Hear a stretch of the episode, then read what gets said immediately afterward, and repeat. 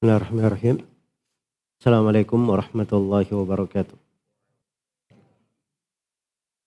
إن الحمد لله نحمده ونستعينه ونستغفره ونعوذ بالله من شرور أنفسنا وسيئات أعمالنا من يهده الله فلا مضل له ومن يضلل فلا هادي له أشهد أن لا إله إلا الله وحده لا شريك له وأشهد أن محمدا عبده ورسوله يا أيها الذين آمنوا اتقوا الله حق تقاته فلا تموتن إلا وأنتم مسلمون. يا أيها الناس اتقوا ربكم الذي خلقكم من نفس واحدة وخلق منها زوجها وبث منهما رجالا كثيرا ونساء واتقوا الله الذي تساءلون به والأرحام إن الله كان عليكم رقيبا. يا أيها الذين آمنوا اتقوا الله وقولوا قولا سديدا يصلح لكم أعمالكم ويغفر لكم ذنوبكم. ومن يطع الله ورسوله فقد فاز فوزا عظيما أما بعد. فإن أصدق الحديث كتاب الله وخير الهدي هدي محمد صلى الله عليه وسلم. شر الأمور محدثاتها فإن كل محدثة بدعة وكل بدعة ضلالة وكل ضلالة في النار. Masyarul ikhwa wal akhwat rahimani wa rahimakumullah. Ini kitab yang ke-15 dari program Kuliah Mafatih Halil. Al-Manzuma Az-Zamzamiyah. Ini manzuma fi ulumi tafsir. Fi ulumi Al-Quran.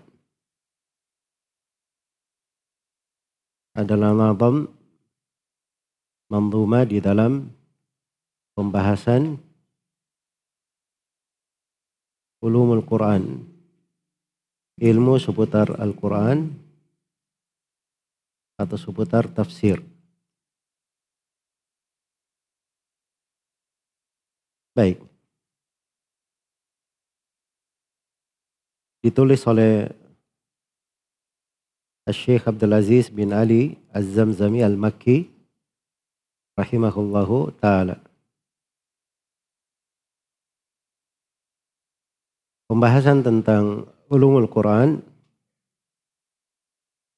ilmu-ilmu tentang Al-Quran, itu adalah ilmu alat untuk memahami terkait dengan tafsir Al-Quran. Jadi ada namanya tafsir, ilmu tafsir. Ada namanya ahkamul Quran. Dan terkait dengan ahkam itu, itu sebenarnya masuk juga di dalam tafsir. Hanya saja dikhususkan pembahasannya untuk ayat-ayat seputar hukum. Untuk masuk ke dalam memahami tafsir Al-Quran dan ayat-ayat ahkam itu tadi, buku-buku tentang ahkamul Quran, itu diperlukan ilmu-ilmu pengantar, ilmu dasar. Sama dengan pembahasan hadith, itu perlu kepada ilmu usulul hadith atau lebih populer belakangan disebut dengan ilmu mustalahil hadith. Sama dengan ilmu fikih,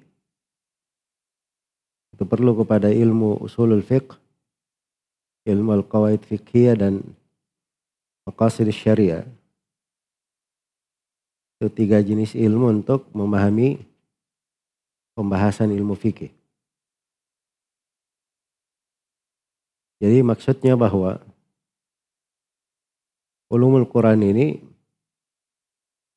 ini dari pembahasan ilmu yang penting ya karena di dalam pembahasan ulumul Quran kita akan mendapatkan pengantar dasar-dasar untuk memudahkan memahami dari tafsir ayat-ayat masuk ke dalam ilmu tafsirnya. Iya. Dan ilmu tafsir itu sendiri itu ada ilmu pengantarnya untuk masuk ke dalam tafsir. Dan mambuma yang kita pelajari ini dia mengandung dua hal. Mengandung ilmu yang merupakan alat memahami tafsir dan mengandung sebagian pembahasan yang terkait dengan tafsir itu sendiri. Terkait dengan tafsir itu sendiri. Baik. Ilmu ulumul Quran itu memang eh, datangnya lebih belakangan daripada ilmu tentang hadith Rasulullah Sallallahu Alaihi Wasallam. Karena Al-Quranul Karim hingga hari ini itu lebih terjaga dari sudut periwayatan, dari sudut sanatnya, itu lebih terpelihara. Berbeda dengan ilmu hadith di awal-awal kali disebarkannya dan disampaikannya hadith Rasulullah Sallallahu Alaihi Wasallam banyak orang-orang yang keliru di dalam menyampaikan riwayat atau dia bahkan dusta di dalam menyampaikan riwayat. Maka muncullah para ulama ahli hadith menerangkan bagaimana jalan Rasulullah Sallallahu Alaihi Wasallam dan para sahabat di dalam memahami hadith-hadith tersebut. Nah, di situlah mulai lahir dari buku-buku khusus terkait dengan mustalah hadith. Kalau kita berbicara tentang bagian-bagian dari ilmu tafsir atau ilmu mustalah hadith itu, itu memang sudah ada di pembicaraan para ulama dari masa dahulu, tapi pembicaranya tidak terkumpul di dalam satu tempat, berpisah-pisah, berpencar. Kemudian setelah itu dibukukan di dalam satu buku. Iya. Kalau di ilmu hadith misalnya yang pertama kali menulis itu adalah Ar-Ramah Hurmuzi, menulis secara khusus. Kalau di ilmu Al-Quran siapa yang paling pertama menulis ulumul Quran sebagai ilmu tersendiri? Asyuti rahimahullahu ta'ala itu menyebutkan bahwa yang paling pertama menulis adalah Jalaluddin Al-Bulkini rahimahullah. Jalaluddin Al-Bulkini, nama beliau Abdurrahman bin Umar. Wafat pada tahun 824 Hijriah. Iya. Tapi ucapan Asyuti ini tidak benar ya, ucapan beliau. Karena ada buku-buku populer seputar ulumul Quran, para penulisnya lebih dahulu daripada Jalaluddin Al-Bulkini rahimahullahu taala. Di antaranya Ibnul Jauzi. Di antaranya Ibnul Jauzi. Beliau punya buku judulnya Pununul Afnan. Pununul Afnan fi uyuni ulumil Quran. Iya. Dan itu tercetak ya. Ibnul Jauzi, Abul Faraj, Abdurrahman Ibnu Ali bin Muhammad Al-Jauzi Al-Qurashi. Beliau wafat pada tahun 597 Hijriah. 597 Hijriah. Hampir 300 tahun tautannya dengan Al-Bulkini. Ada juga bukunya At-Tufi rahimahullah. At-Tufi nama beliau Sulaiman Ibnu Abdul Qawi. At-Tufi. dari ulama Hanabila sama dengan Ibnu Jauzi. Beliau wafat pada tahun 716 Hijriah. Beliau punya buku judulnya Aliksir fi ilmi taksir. Aliksir fi ilmi tafsir. Ya ini juga buku pendahuluan sama temanya dengan bukunya Al-Bulkini. Baik. Kemudian ada juga dari ulama Syafi'iyah Abu Qasim Abdurrahman bin Ismail Abu Syama Abu Syama Asy-Syafi'i rahimahullah wafat pada tahun 665 Hijriah. Beliau punya buku yang berjudul Al-Mursyidul Wajiz. Al-Mursyid Al-Wajiz ila ulumin tata'allaku bil kitabil aziz. Iya. Dan di antara buku yang paling besarnya, nah saya pernah lihat sebagian cetakan empat jilid ya buku ini. Itu ditulis oleh Az-Zarkashi Asy-Syafi'i rahimahullahu taala. Az-Zarkashi namanya Muhammad Ibnu Bahadir Al-Misri Az-Zarkashi. Wafat pada tahun 794 Hijriah. Ya dia punya buku mungkin bukunya yang dikatakan buku yang terbesar dalam ulumul Quran. Iya. Judulnya Al-Burhan fi Ulumil Quran. Al-Burhan fi Ulum Al-Quran. Baik. Jadi kalau dilihat pada apa yang disebut oleh Suyuti bahwa yang pertama kali menulis dalam Ulumul Quran adalah Jalaluddin Al-Bulkini itu jelas tidak tidak tepat ya. Dan Asyuti sendiri rahimahullah beliau punya beberapa karya tulis terkait dengan ulumul Quran. Yang paling Populernya itu ada dua. Yang pertama ada yang bernama At-Tahrir. Atau ya, karya Suyuti rahimahullahu ta'ala. Atau At-Tahbir ya, judulnya At-Tahbir fi ilmi tafsir. At-Tahbir fi ilmi at-tafsir. Beliau apa namanya kumpulkan sekitar 100 bentuk dari ulumul Quran, 100 bentuk. Yang kita akan kaji ini di Mantume ini cuma 55 bentuk saja. Tapi Asyuyuti di dalam bukunya Tahbir, fi tafsir, disebutkan sekitar 100 bentuk. Kemudian setelah itu Asyuyuti menulis kitab Al-Itqan, Quran. Dan ini yang lebih terkenal di masa sekarang. Al-Itqan Quran. Karena buku ini beliau ringkas dari At-Tahbir itu tadi dan sebagian bentuk dari At-Tahbir digabungkan, sebagian kepada sebagian yang lain. Kemudian beliau beri tambahan-tambahan dari pembahasan-pembahasan baru walaupun jumlahnya hanya mencapai 80 bentuk saya dari yang disebut oleh Suyuti dalam Al-Itqan ini. Tetapi dia buku yang sangat berharga sekali di bidang ini. Di Ulumil Quran.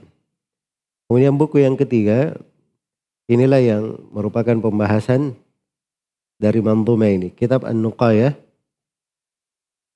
Dan di dalam An-Nuqayah ini Asyuti menyebutkan ada 14 cabang ilmu. Ilmu yang kedua yang beliau sebutkan di dalam kitab An-Nuqaya adalah ulumul Quran ini. Ulum Al-Quran. Nah, inilah yang diberikan nadamnya oleh Az-Zamzami di sini dibuatkan mantumanya dalam bentuk bait-bait syair ini. Iya. Baik.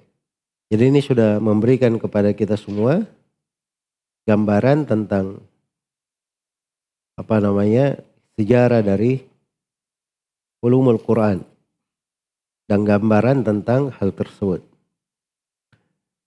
E, tentunya kalau kita masuk di dalam pembahasan ulumul Quran, maka kita akan berbicara tentang faidah yang dipetik dari ulumul Quran itu. Nah seorang ketika masuk berbicara tentang tafsir ayat-ayat, itu dia perlu pengetahuan tentang ulumul Quran. Dia perlu pengetahuan tentang ulumul Quran. Sehingga jangan dia keliru di dalam memahami ayat-ayat. Iya. Makanya di nanti penulis akan membahas juga dari kalung pembahasan seputar misalnya memahami lafaz. Seputar memahami lafaz. Lafaz itu kapan dia bermana umum, kapan dia bermana khusus atau ada umum yang dikhususkan atau ada umum yang diinginkan dengannya khusus. Itu kan di di dalam memahami ayat-ayat itu, itu perlu dari memahami dasar-dasar ilmu tafsir yang disebut oleh Suyuti di sini. Bagaimana banyak orang yang keliru di dalam memahami ayat-ayat, dia tafsirkan dari ayat-ayat bukan pada tempatnya, karena dia tidak kenal dari ulumul, ulumul Quran seperti ini. Dia tidak mengenal dari ulum Al-Quran. Iya. Ya kalau misalnya datang di dalam pembahasan apa namanya? Sebagian ayat ya. Ya. Kadang ada orang-orang memahami ayat-ayat seputar jihad dia pahami itu jihad dengan apa? Jihad dengan pedang. Jihad secara fisik. Padahal ayat-ayat yang dia pakai itu adalah ayat-ayat makkiyah. Ayat-ayat makkiyah. Dan surah makkiyah itu atau ayat-ayat makkiyah di fase Mekah itu belum ada syariat jihad dengan pedang. Belum ada syariat jihad secara fisik. Jihad secara fisik itu nanti di kota Medina pada tahun 2 Hijriah mulai. Kalau begitu bagaimana dia tafsirkan ayat-ayat? Bukan pada tempatnya. Nah, ini kan karena dia luput memahami mana surah Madaniyah dan mana surah apa? Mana surah Makkiyah. Akhirnya dia keliru di dalam menempatkan keliru di dalam menempatkan. Dan sebagian orang jatuh di dalam perbuatan-perbuatan ekstrim disebabkan karena hal tersebut. Iya. Atau misalnya dia keliru di dalam memahami ayat. Misalnya ketika Nabi Yunus dikatakan wa arsalnahu ila mi'ati alfin aw yazidun. Kami utus dia kepada Eh, seratus ribu atau lebih. Ya, au yazidun. Itu dikatakan au yazidun. Maka dia datang dengan pengetahuan bahasa Arabnya yang sedikit. Dianggap au di situ bermana asyak, ragu. Jadi seratus ribu atau lebih. Ya. Dan akhirnya ini dipakai oleh kaum mulhidin, orang-orang mulhid, orang-orang liberal untuk membuat manusia ragu. Kok bisa Al-Quran ragu? Kepada seratus ribu atau lebih. Nah, itu dasarnya karena dia tidak paham dari penggunaan secara bahasa. Tahu di situ itu memang dalam bahasa Arab kadang bermana ragu Tapi yang ragu itu siapa? Orang yang melihatnya. Orang yang melihat perjalanan hidup Nabi Nuh. Ya. Fi nadarin nadir. Ada orang yang melihatnya. Atau awunya di situ bermana bal. Karena awu itu kadang datang di dalam Al-Quran bermana apa? Bermana bal. Jadi ilamiyati alfin bal yazidun. Bahkan bertambah. Jadi kalau dipahami dari sudut-sudut penggunaan, maka itu akan mudah memahami ayat-ayat. Tidak akan ada mana keraguan di dalam hal tersebut. Di dalam memahaminya, itu akan membantu seseorang untuk tadabbur terhadap Al-Quran. Al-Quran itu diturunkan untuk ditadabburi. Allah subhanahu wa ta'ala berfirman, Afala yatadabbarun al-Quran am ala qulubin akfaluha. Tidakkah mereka tadabbur terhadap Al-Quran atau hati-hatinya itu ada kuful, kunci yang menguncinya. Kitabun anzalnahu ilaika mubarak liyadabbaru ayati. Dia adalah kitab yang diturunkan kepada engkau Nabi Muhammad mubarak penuh dengan keberkahan supaya mereka tadabbur terhadap ayat-ayatnya. Jadi Al-Quran diturunkan untuk ditadaburi. Iya. Dan bagaimana cara mentadaburi Al-Quran? Salah satunya adalah dengan mempelajari ulum Al-Quran. Dengan mempelajari ulum Al-Quran. Sebab kalau seorang mempelajari ulum Al-Quran, iya, maka dia akan terbantu sekali di dalam memahami ayat-ayat itu. Dan dia akan terbantu di dalam memahami dan di dalam tadabbur terhadap kandungan-kandungannya. Iya. Jadi itu di antara fungsi dari ulumul Quran. Dan di antara manfaatnya, kenapa seorang penuntut ilmu itu jangan luput dari pembahasan ulumul Quran ini. Iya. Jangan dia telantarkan. Baik. Kemudian di sini terkait dengan mamduma ini sendiri, kita akan terangkan insyaallah taala bersama dengan pembahasan-pembahasan yang akan disebutkan oleh penulis rahimahullahu taala. Baik kita akan baca ya dari manzuma ini. Dikatakan oleh penulis rahimahullah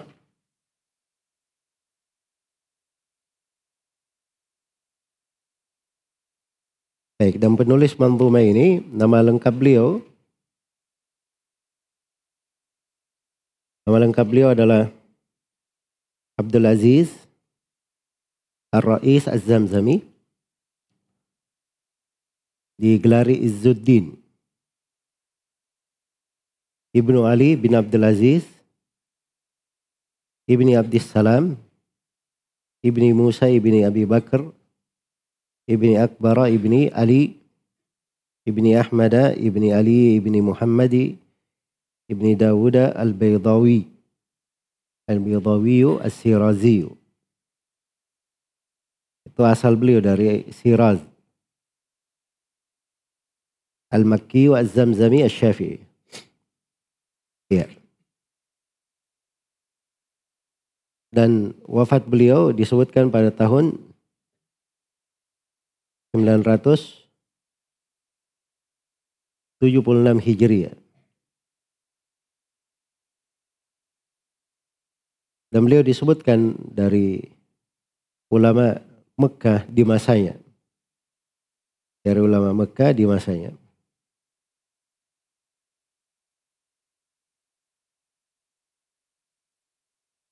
Tidak terlalu banyak dari apa namanya buku yang memuat tentang biografi beliau ya rahimahullahu taala Tapi buku ini Manduma Al-Manduma Zamzamiyah ini terkenal ya di sebagian wilayah, di sebagian negara.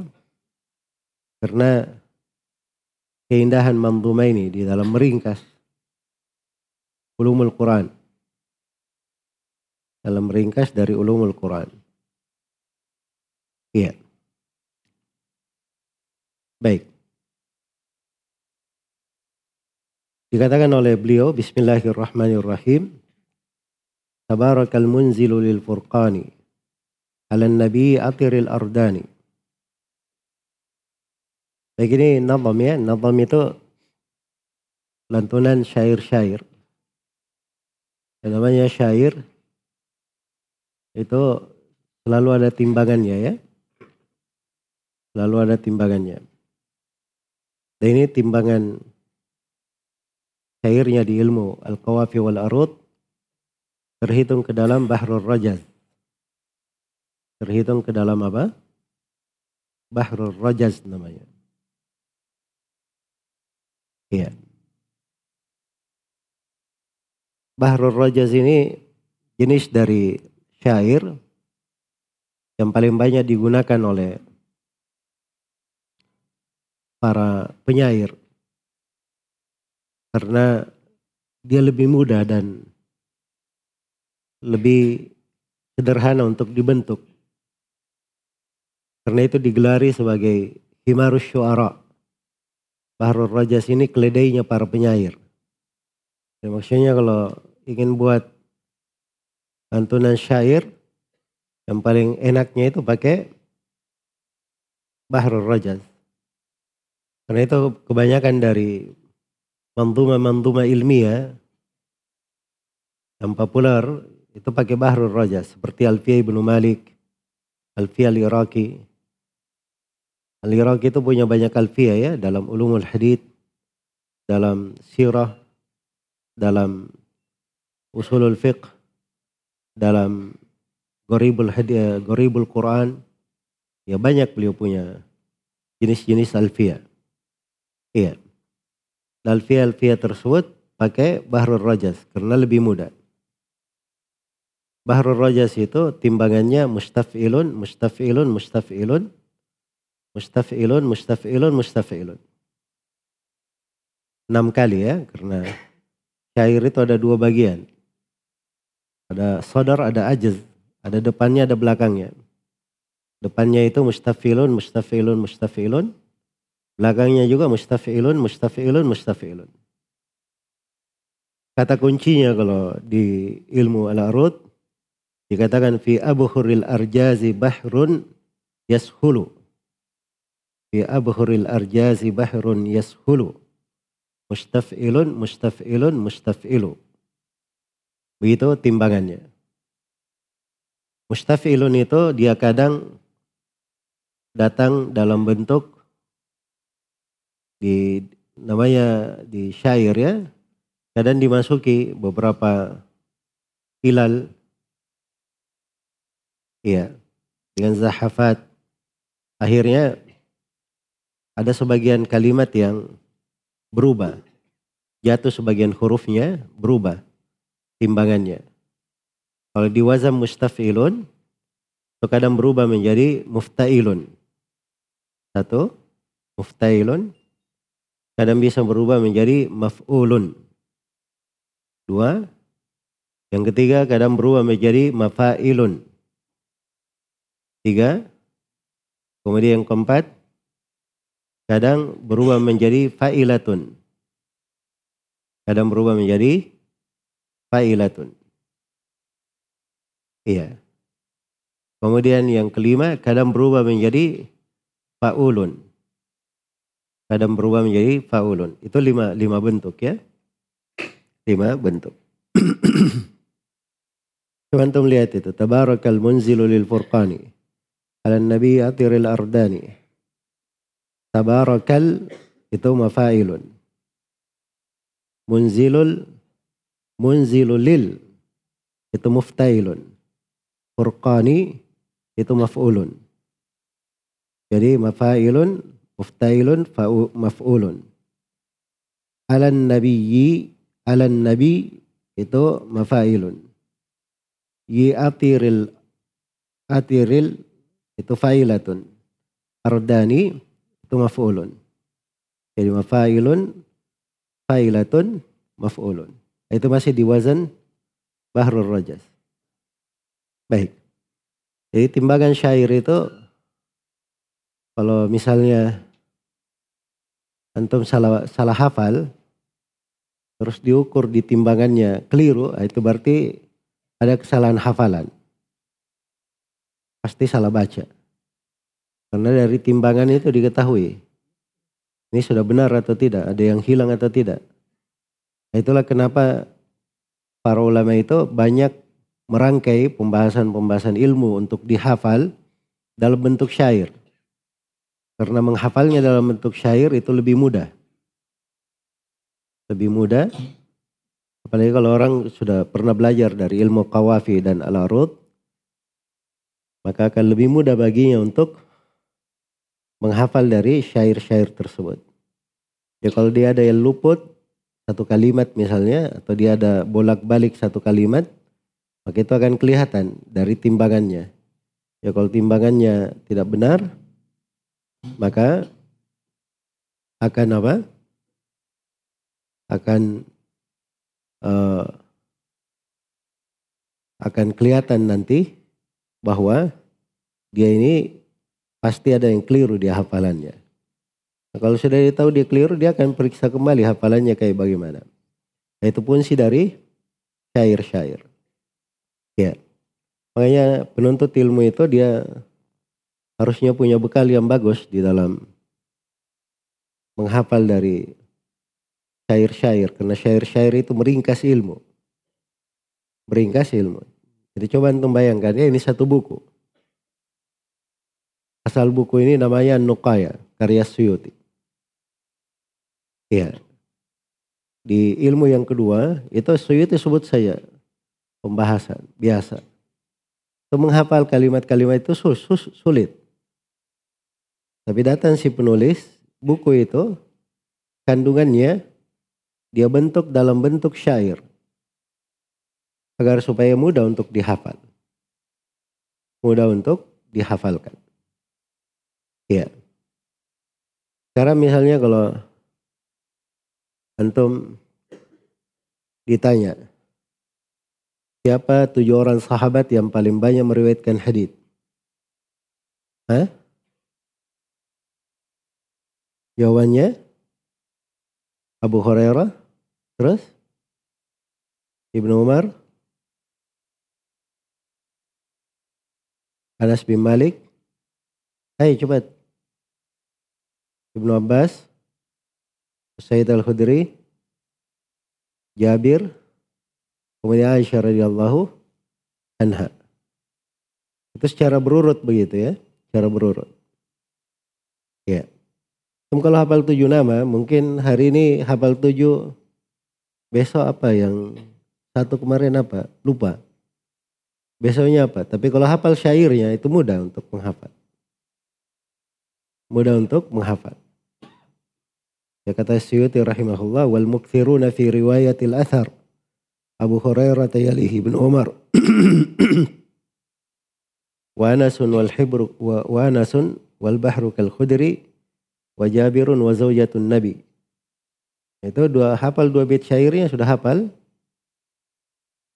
Tujuh orang sahabat yang paling banyak meriwayatkan hadis dari Nabi Shallallahu Alaihi Wasallam.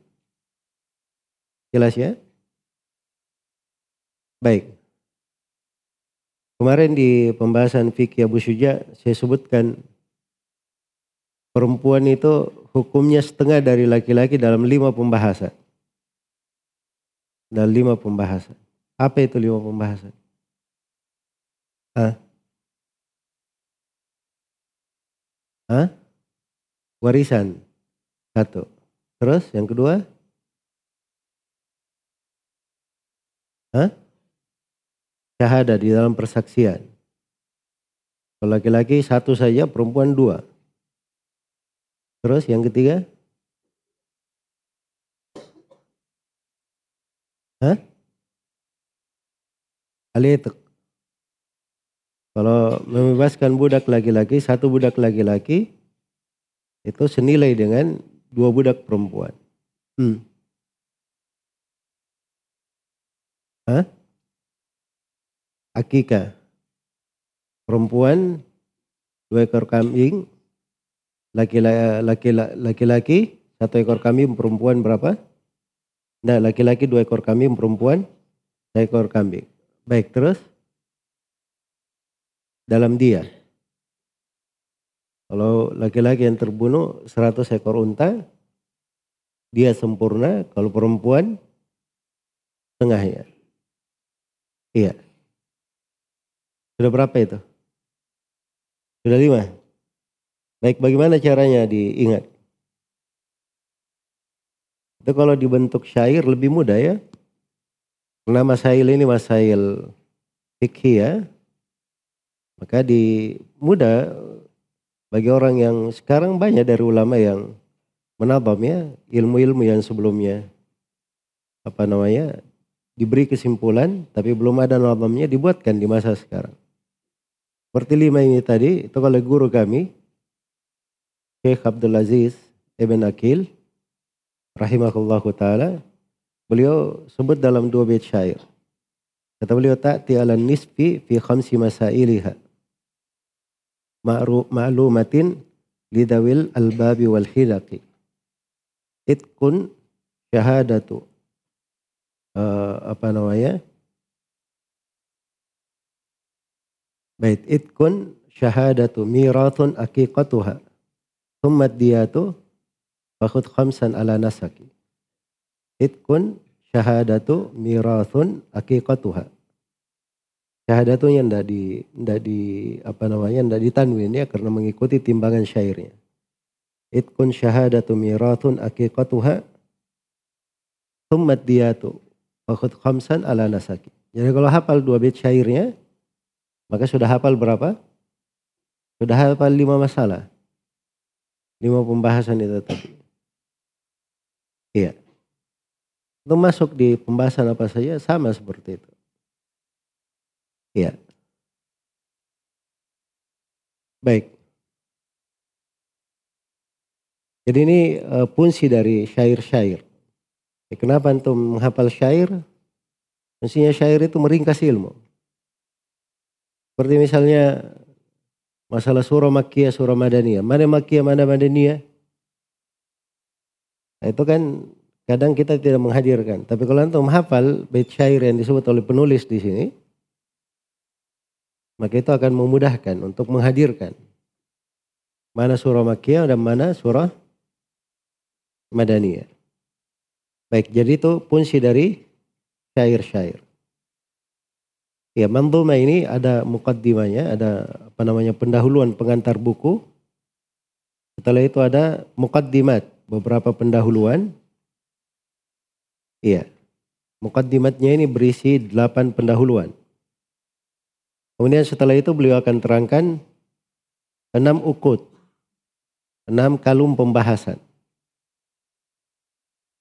Enam kalum pembahasan ini jumlah ulumul hadid yang disebutkan itu 55 bentuk dari ulumul hadid. Ditambah dengan khatimah. Maksudnya 55 bentuk bersama dengan empat yang terakhir disebut di khatimah.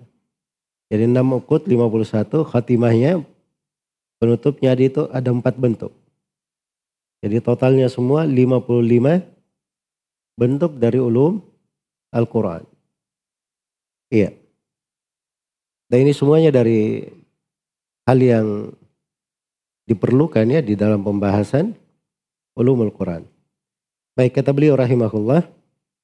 Tabarakal munzilu lil furqani ala nabi atiril ardani Muhammadin alaihi sallallahu ma salamin daiman yakshahu wa alihi wa sahbihi wa badu. فهذه مثل jumani إكد ضمنتها ilman huwa tafsiru bidayatan liman bihi yahiru afradtuha nadman minan nuqayati muhaddiman nidamaha fi ghayati wallaha astahdi wa astainu li'annahu al-hadi. Baik. Ini pengantar bukunya. Pengantar buku dari penulis rahimahullahu taala. Ya saya poinkan di dalamnya ada enam pembahasan. Fiha masail. Yang pertama bidayah tu al-bada'atu bil, bil basmalah wasana walallahi wasana ya Allahi wassalati wassalami ala nabi sallallahu alaihi wasallam wa alihi wa Memulai dengan basmalah, pujian kepada Allah serta salawat dan salam atas Nabi Muhammad sallallahu alaihi wasallam, keluarga dan para sahabat beliau. Iya. Di dalam uh, penulisan itu itu ada tiga dari adab penulisan. Yang pertama memulai dengan Bismillah dulu, itulah basmalah, Bismillahirrahmanirrahim. Kemudian setelah itu diikuti dengan hamdalah. Memuji Allah Subhanahu wa taala. Kemudian setelah itu yang ketiga adalah berselawat dan bertaslim pada Nabi Muhammad sallallahu alaihi wasallam dan diikutkan di dalamnya keluarga dan para sahabat beliau. Iya. Jadi ini tiga hal dimulai dengannya penulisan yaitu dari adab penulisan. Iya bagi siapa yang ingin menulis sebuah buku. Adab ini disebutkan atau dijalani oleh para ulama dari masa ke masa. Disebutkan oleh Al-Khatib Al-Baghdadi dan Ibn Abdul Bar. Baik, Bismillahirrahmanirrahim. Ini jelas ya tentang penyebutan basmalah dan sudah berulang kali kita terangkan tentang tafsir dari Bismillahirrahmanirrahim. Iya. Yang banyak di sini adalah lilistiana, kemudian jar majrur itu mutalik terkait dengan uh, fi'il mahduf mutaakhir yang disebutkan belakangan. Jadi dengan nama Allah, misalnya saya membaca saya menulis, saya memulai. Ya. Bismillah, Bismillahi al-isim itu mufrad ya disandarkan kepada uh, al-ismul al-ismul ahsan disandarkan kepada nama Allah Subhanahu wa taala. Maka itu mencakup seluruh dari nama-nama Ya.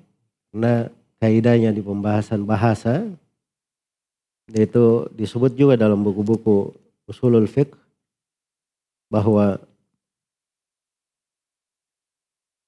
mufrad itu kalau disandarkan kepada ma'rifah maka itu akan memberikan mana umum, memberi mana umum. Jadi seakan-akan seorang itu ketika membaca bismillah dia menyebut seluruh nama Allah Subhanahu wa taala. Ya Allah, Ar-Rahman, Ar-Rahim. Ini tiga nama dari Asmaul Husna. Allah artinya Al-Ma'bud, mahabbatan wa ta'ziman. Yang diibadahi dengan penuh kecintaan dan pengagungan. Ar-Rahman, Ar-Rahim ini dua nama dari Asmaul Husna dari kata rahmat. Dari kata rahmat. Cuman salah satu dari keduanya lebih luas kandungannya dan salah satu dari keduanya itu lebih lembut di dalam maknanya. Nama Rahman itu kandungannya lebih luas. Karena rahmat itu mencakup seluruh makhluk. Jin maupun manusia muslim maupun kafir. Tercakup di dalam nama Ar-Rahman. Adapun Ar-Rahim ini rahmat khusus untuk orang-orang yang beriman. Iya. Nah itu ketika disebutkan tentang kaum mukminin wa kana bil mu'minina rahima. Adalah terhadap kaum mukminin Allah itu Maha Rahim.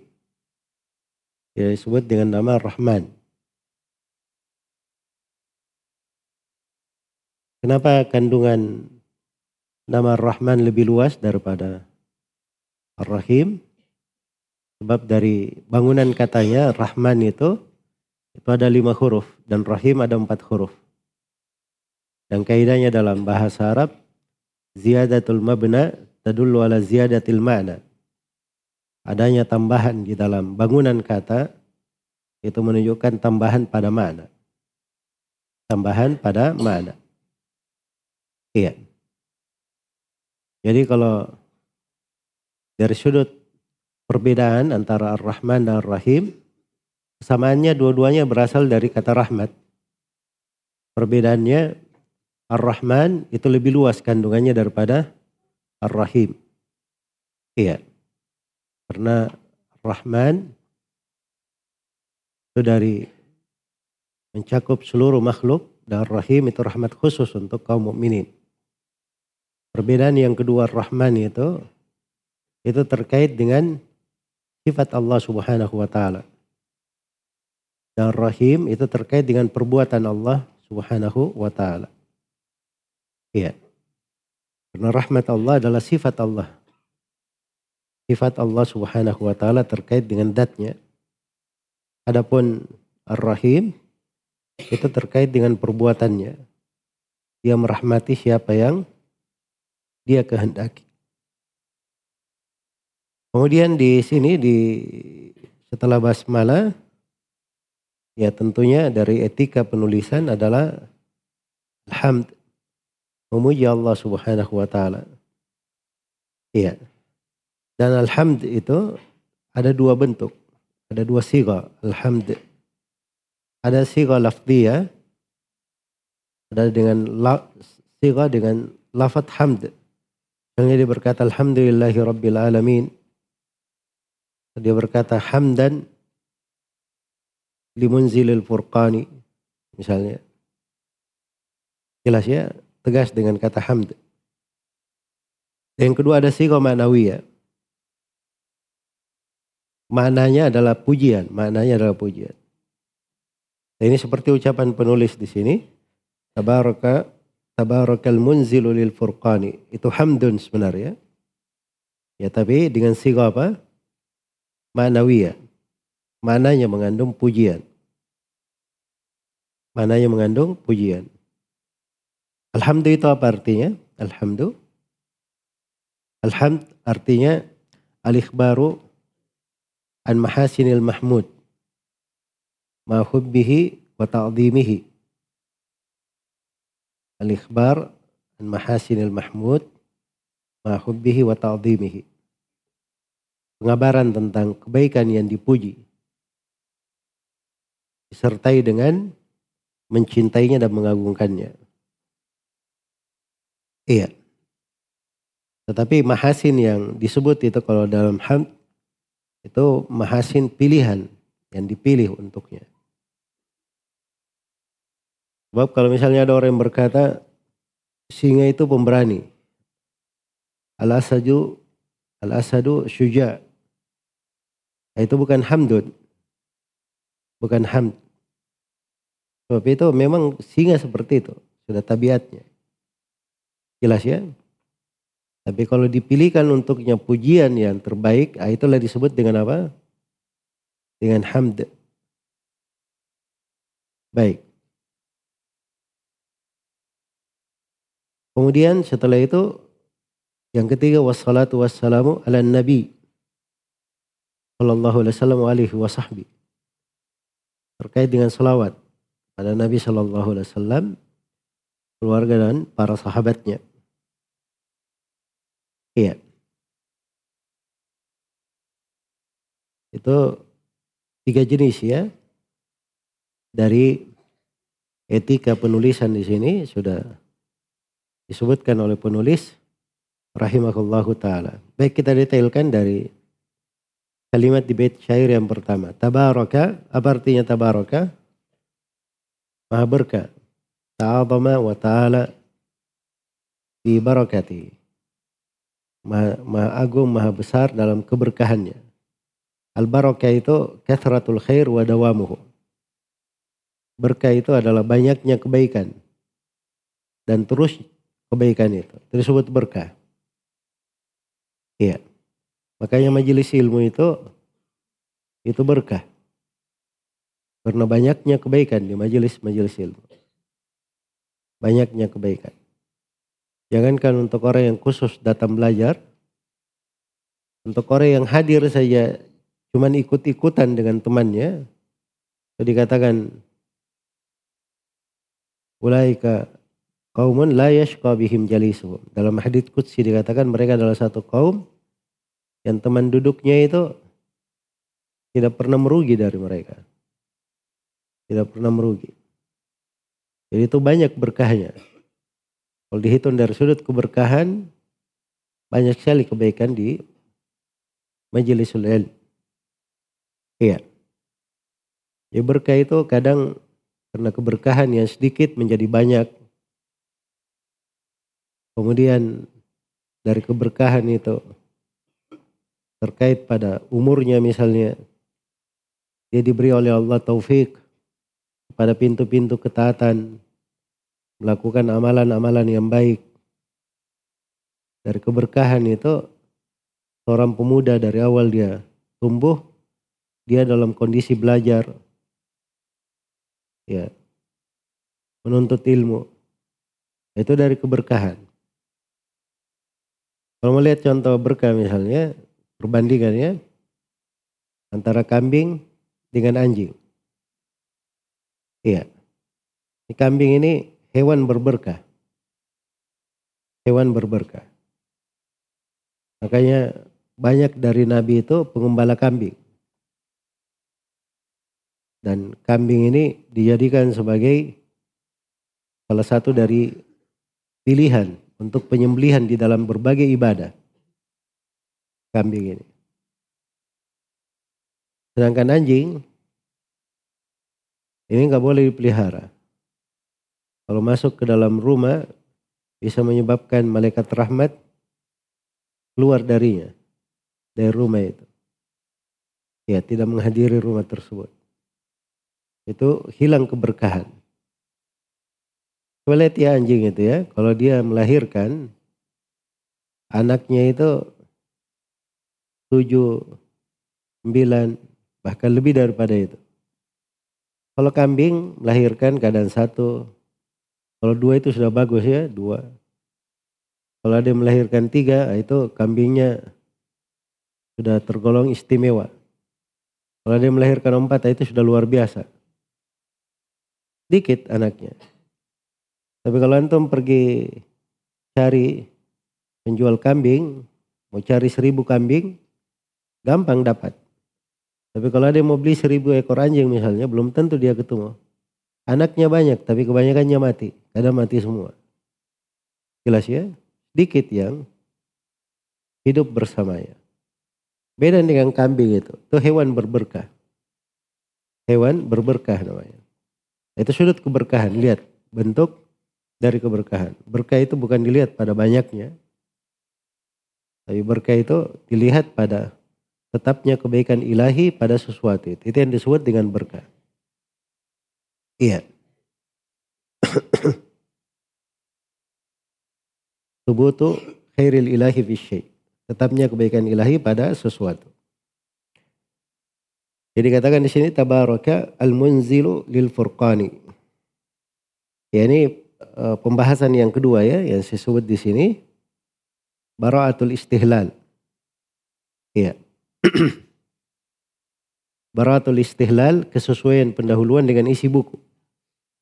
Baraatul istihlal itu adalah seorang penulis ketika dia menulis sebuah karya tulis, maka dia bawakan, ya, dia bawakan dari kalimat-kalimat yang menunjukkan apa yang akan dia tulis.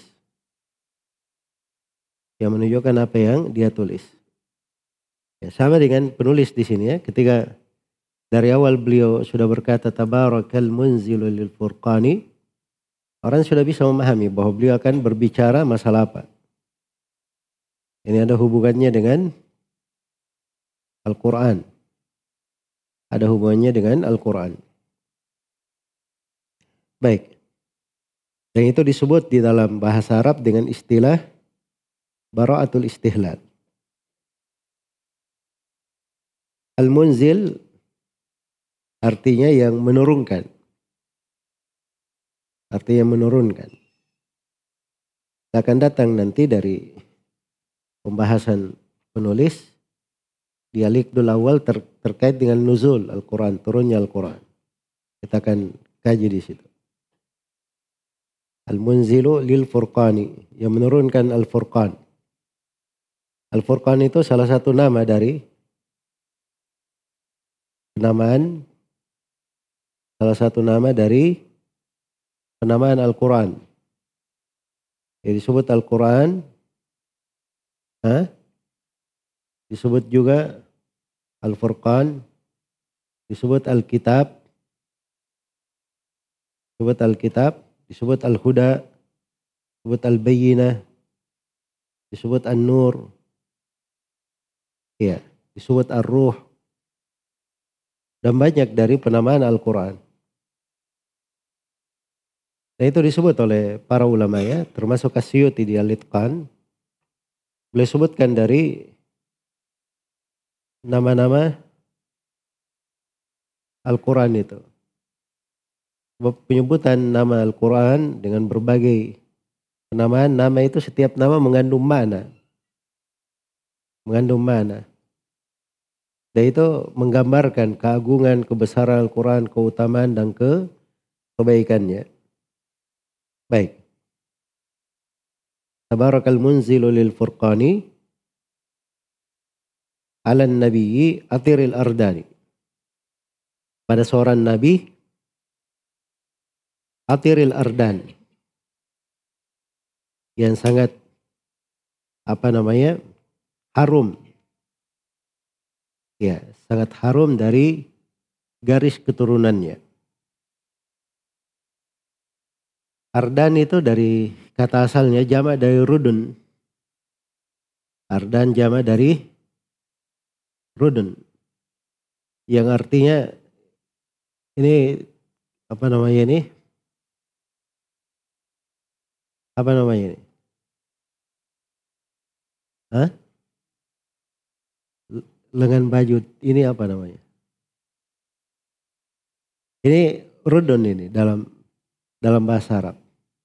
Ya kalau dibilang atiril ardan, maksudnya asalnya yang berasal dari sini, ya itu yang disebut dengan apa?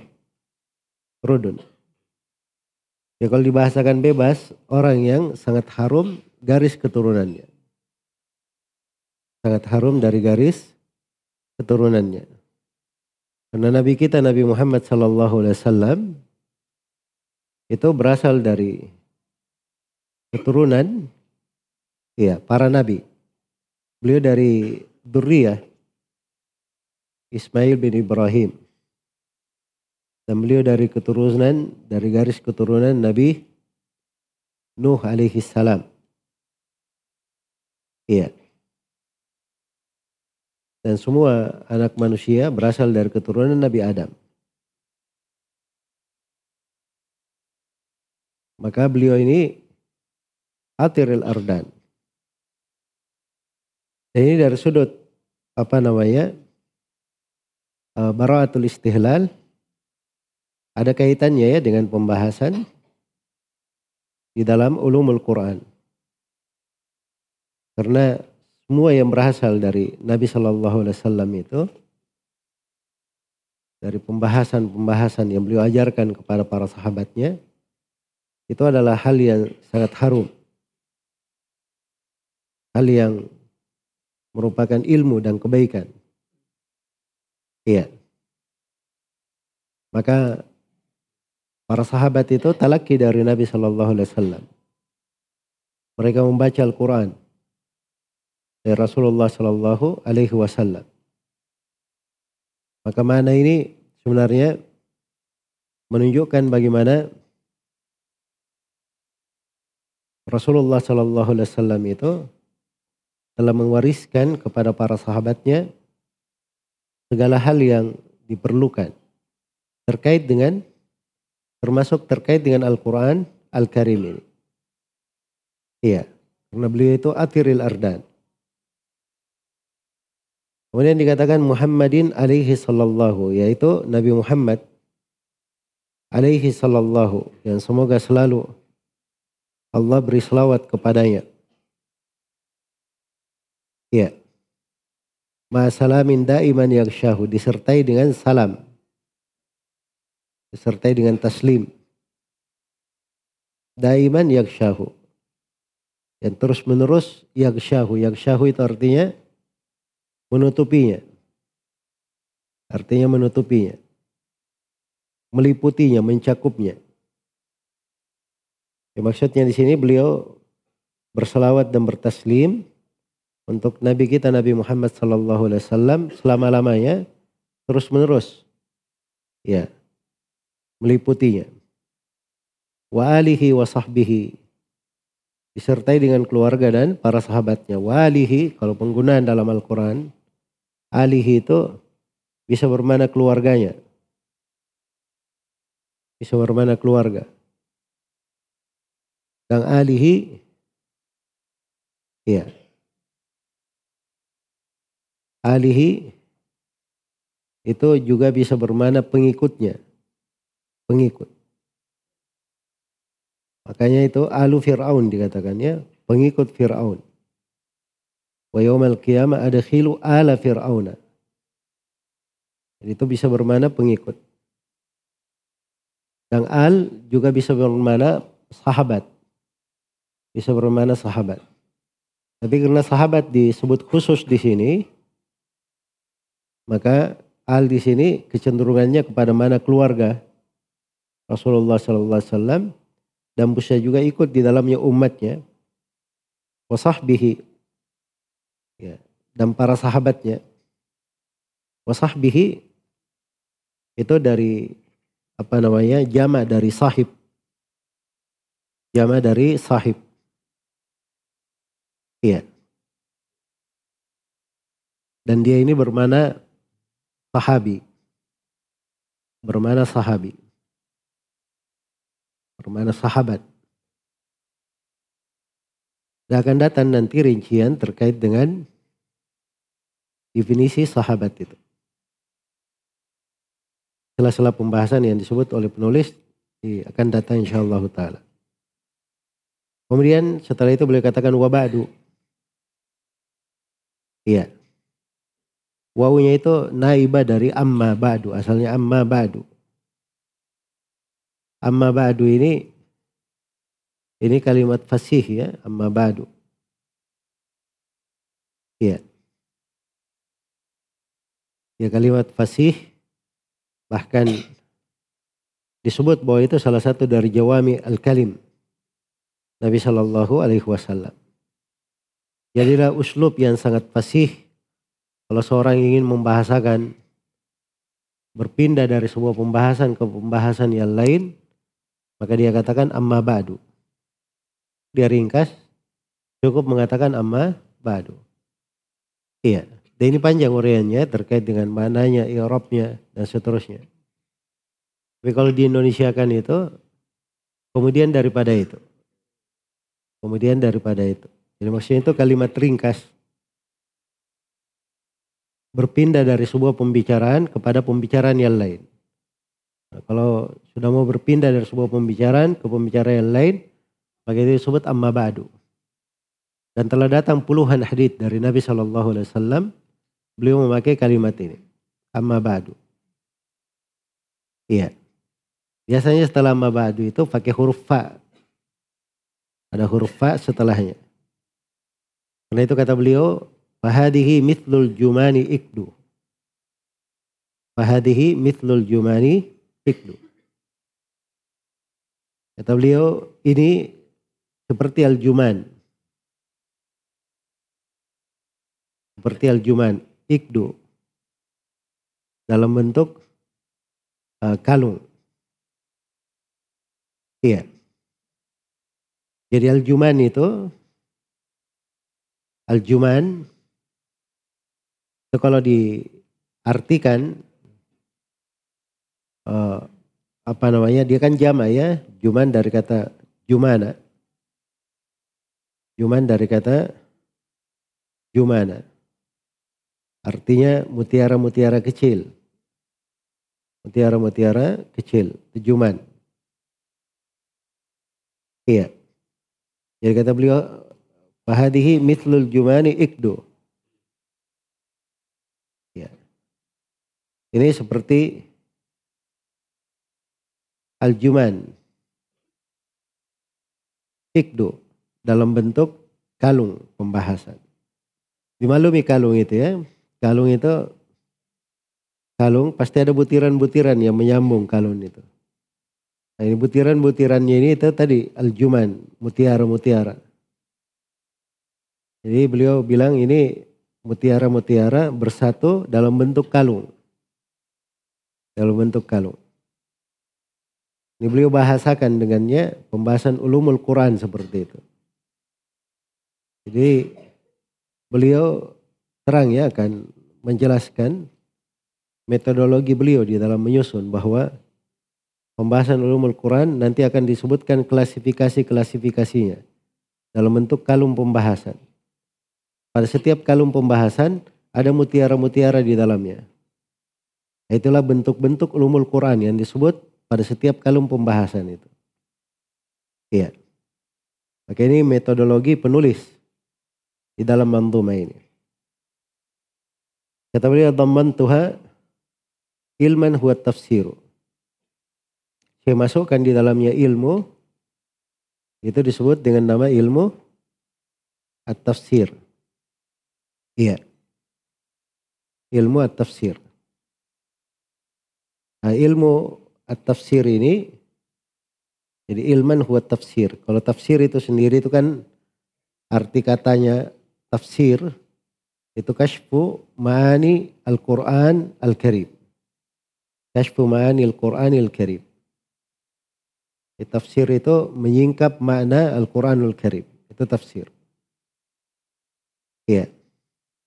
Jadi ketika disebut ulumul Quran, ulumul tafsir, nah itu sudah bercampur di dalamnya ya, karena di dalam ilmu tafsir itu ada dua jenis. Ada khusus terkait dengan Al-Quran, ada ilmu lain di luar, tapi ada hubungannya dengan Al-Quran. Ya, seperti ilmu nahwu, ilmu balaga, ya, atau ilmu usul fikih, atau ilmu mustalah, mustalahul hadith. Nah, itu kan ilmu-ilmu sebenarnya. Tapi sebagian dari ilmu itu, ilmu-ilmu di luar Al-Quran ya, ulumul Quran. Tapi sebagian dari ilmu-ilmu ini, itu ada hubungannya dengan pembahasan ulumul Quran. Makanya disebutkan semua masuk di dalamnya. Ya tuha ilman huwa tafsiru. Bidayatan liman bihi yahiru. Bagi pengantar, bagi siapa yang yahiru, kebingungan. Orang yang hira. Iya. Jadi ini kelihatannya beliau tulis ini sebagai bidaya, pendahuluan. Kemudian yang kedua, bagi orang yang kebingungan bagi orang yang kebingungan. Karena memang ilmu itu kalau seorang belajar, fungsinya belajar ya, supaya orang di ilmu yang dia pelajari itu dia di atas keyakinan, tidak ada yang membingungkan. Fungsinya orang belajar supaya dia tahu pijakan, dia tahu jalan. Makanya dia menapak itu pasti tidak bingung. Nah itu memang hanya bisa lurus seperti itu kalau seorang mempelajari usulul ilm. Usul al-ilm. Ya seorang cinta kepada Islam. Cinta kepada agamanya. Itu keimanan namanya. Semuanya orang cinta kepada agama. Tapi siapa yang paling kuat di atas jalan Islam? Nah, itu orang yang paling mengerti pondasi-pondasi keislaman dan membangun keislamannya di atas pondasi yang kuat. Nah, itulah ilmu-ilmu yang dipelajari di tengah umat Islam. Yang akhirnya seluruh ilmu itu sudah terklasifikasi menjadi bagian-bagian dari ilmu agama. Ada ilmu akidah, ilmu pokoknya ya, ilmu pokoknya. Ada ilmu akidah. Ada ilmu tafsir. Kemudian ada ilmu hadith. Lalu ada ilmu al-fiqh. Iya, masuk dalam ilmu fikih. Ilmu-ilmu lainnya itu masuk di dalam apa namanya uh, berkhidmat sebagai alat untuk ke ilmu tersebut kepada ilmu tersebut. Iya. Jadi maksudnya siapa yang belajar dari ilmu-ilmu itu alat-alatnya maka dia jalannya akan pasti. Kalau tidak dia akan kebingungan. Baca ayat tidak tahu kayak gimana sebab dia tidak ada kaidah berpijak. Tidak ada kaidah berpijak. Maka dengan mempelajari ilmu-ilmu ini dia punya pijakan. Dia akhirnya punya pijakan. Nah, ini maksud dari penulis di sini. Ya, dan di sini penulis sudah masuk ke pembahasan yang ketiga ya, tarif bil manzumah. Beliau apa namanya menjelaskan tentang manzumahnya, memperkenalkan apa manzumah ini. Kata beliau afrad Tuhan nabman minan nuqayati.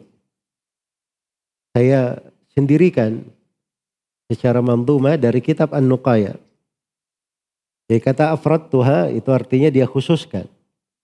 Kenapa dibahasakan seperti itu? Sebab An-Nuqaya, buku As-Suyuti ini An-Nuqaya, iya. Buku As-Suyuti, An-Nuqaya, itu ada 14 cabang ilmu di dalamnya. Disebut oleh As-Suyuti. As-Suyuti rahimahullah dimaklumi ya, beliau punya apa namanya ilmu luas. Wawasannya luas sekali, karya tulisnya sangat banyak, ratusan karya tulis. Hanya saja beliau rahimahullah ada kekeliruan di pembahasan tasawuf, kekeliruan di akidah syariah, dan kekeliruan di dalam apa namanya bergampangan. Menyebutkan hadit-hadit, mengumpulkan dari hadit-hadit yang tidak uh, jelas asal usulnya atau dari sumber yang kadang bisa dipastikan itu tidak berasal dari Nabi Shallallahu Alaihi Wasallam. Itu permasalahan-permasalahan beliau. Karena itu sebagian dari ulum yang disebut dalam An-Nuqaya itu adalah hal yang dikritik terhadap Asyuti. Cuma di sini penulis mengambil satu pembahasan. Dan ini ilmu yang kedua yang disebut oleh Asyuti dalam kitab An-Nuqaya. Iya dalam kitab An-Nuqaya. Ya di sini saya poinkan pembahasan yang keempat ya, tarif bi aslil manzumah. Wa kitabun Nuqaya. Kitabun Nuqaya ini karya siapa tadi? Artinya Asyuti rahimahullah. Dan Asyuti sendiri itu sudah memberikan syarah ya terhadap buku An-Nuqaya itu beliau beri syarah judulnya Itmamud Diraya. Di Qurra'in. Itu judul syarahnya. Iya. Jadi beliau sendiri sudah memberikan syarah di situ. Itmam ad-diraya li qurra'in nuqaya. Dan di Itmam ad-diraya ini di syarahnya itu ada tambahan-tambahan. Ada tambahan-tambahan. Yang tidak ada di kitab An-Nuqayah. Dan kalau kita baca buku ini akan tampak nanti bahwa penulis itu Kadang beliau bahasakan dari buku An-Nuqaya murni dan kadang beliau bahasakan dari buku An-Nuqaya diambil tambahan dari Itmam Ad-Diraya. ada satu pembahasan sedikit sekali. Itu pembahasan berasal dari tambahan penulis. Ini dari fawaid mandumanya ya. Ya jangan tuh kira bahwa ini mandumah dia murni dari Nuqaya saja tidak ada tambahan dari penulisnya. Ada beliau masukkan tambahan. Dan itu biasa ya. Seperti Ali Raki, beliau menabam uh, Muqaddimah Ibnu Salah dalam Alfiyahnya. Tapi Ali Raki punya tambahan-tambahan terhadap Ibnu Salah di dalam manzumah tersebut. Dan itu biasa. Baik. Jadi ini terkait dengan buku ini. Kemudian yang penting juga untuk diketahui bahwa Asyuti di dalam kitabnya Nuqaya dalam ulumul Quran secara umum Itu beliau istifada dari buku gurunya Jalaluddin Al-Bulkini. Jalaluddin Al-Bulkini. Dan Jalaluddin Al-Bulkini dia punya buku judulnya Mawaqi'ul Ulum fi Mawaqi'in Nujum. Itu judul buku beliau seputar ulumul Quran. Ditulis oleh Al-Bulkini. Suyuti mengambil faidah dari situ. Baik. Karena itu kadang di dalam uh, pembahasan ini di ketika menjelaskan nazam ini dilihat dari kitab An-Nuqaya, kadang dilihat dari kitab Itmamud Diraya dan kadang dilihat dari buku Al-Bulkini, Mawaki Al-Ulum untuk merinci dari pembahasan-pembahasan yang disebut oleh penulis rahimahullahu taala. Ini pembahasan yang keempat tentang tarif di aslil manzumah. Kemudian pembahasan yang kelima, manhajun nazim fil manzumah. Iya. Metode penulis dalam menyusun manzuma. Itu saya sebutkan ada empat manhajnya. Ya. Yang pertama dikru masaili ulumil Qur'ani ala ukut. Penyebutan permasalahan ulumul Quran dalam bentuk kalung-kalung pembahasan. Iya. Jadi manhajnya itu beliau klasifikasikan pembahasan menjadi kalung-kalung pembahasan. Di setiap kalung itu beliau bawakan bentuk-bentuk ulumul Quran di situ. Iya. Dan saya sudah jelaskan tadi, ada pendahuluan, ada enam ukut, ada enam kalung pembahasan, terus khatimah, penutup. Di mukaddimanya ada delapan pendahuluan. Di enam ukutnya semuanya jumlahnya 51 pembahasan. Terus di khatimahnya ada empat pembahasan. Jadi semuanya jumlahnya menjadi berapa? 55 bentuk dari ulumul Quran. Baik. Kemudian yang kedua, dikru ilmi usul tafsir lil mubtadiin. Jadi metode penulis ini, ulum tafsir yang beliau sebut di sini, ini khusus untuk para pemula. Iya. Khusus untuk para pemula. Jadi maksudnya seorang itu ketika tahu bahwa ini metode dari penulis, maka jangan dia menuntut hal yang lebih daripada itu. Untuk pemula itu sesuai dengan kadarnya apa yang diperlukan. Iya, dan itu membangun bangunan ilmiah seperti itu. Belajar manzumah ini kalau sudah selesai kita belajar buku yang lebih daripada itu. Buku yang lebih daripada manzumah ini. Ya, tapi harus ada bangunan dulu, sedikit-sedikit dari bangunan ilmiah. Itulah sebenarnya asal program Mafatih Halil, kuliah Mafatih Halil. Itu semuanya berisi ilmu-ilmu dasar pada setiap cabang pembahasan ilmu. Semuanya diberi dasarnya, pokoknya, pijakannya. Nah kalau kita sudah belajar semua pokoknya, artinya kita sudah punya pondasi-pondasinya di segala cabang ilmu agama. Nah dari situlah nanti ada tahapan berikutnya, ada tingkatan berikutnya. Iya, baik. Kemudian yang keempat, al-masailu fil mandhuma mustafadatun min kitabin nuqaya. Jadi masail yang disebut di sini jumlahnya ada 55 bentuk. Itu semuanya diambil dari kitab apa? Kitab An-Nuqaya. Diambil dari kitab An-Nuqaya. Jadi penulis itu tidak keluar dari pembahasan di kitab An-Nuqaya. Kemudian yang keempat, Gayatut Tahdib. Penyusunannya sangat rapi. Maksudnya tahdib itu perapian ya, tapi gaya maksudnya di atas puncak perapian. Ya sudah disusun, di ini dirapikan lagi, dirapikan lagi. Akhirnya menjadi ringkas sekali dan sangat memuat kandungan-kandungan yang diinginkan. Kemudian terakhir doa unjalil minan, minan nazim.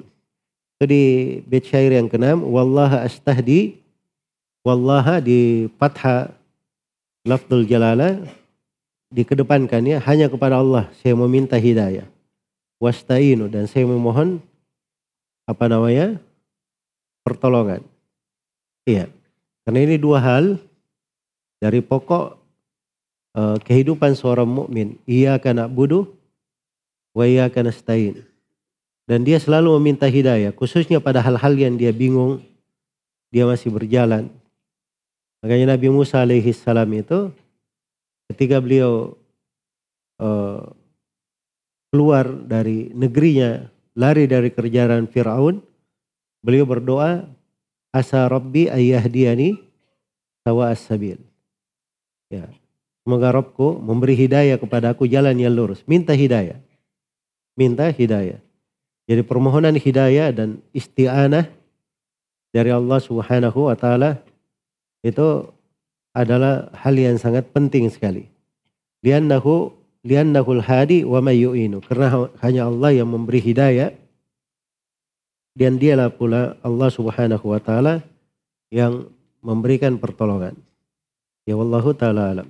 Eh, kita sambung di sesi setelah sholat duhur insyaallah taala. Subhanakallahumma wa bihamdika asyhadu an la ilaha illa anta astaghfiruka wa atubu ilaik walhamdulillahi rabbil alamin.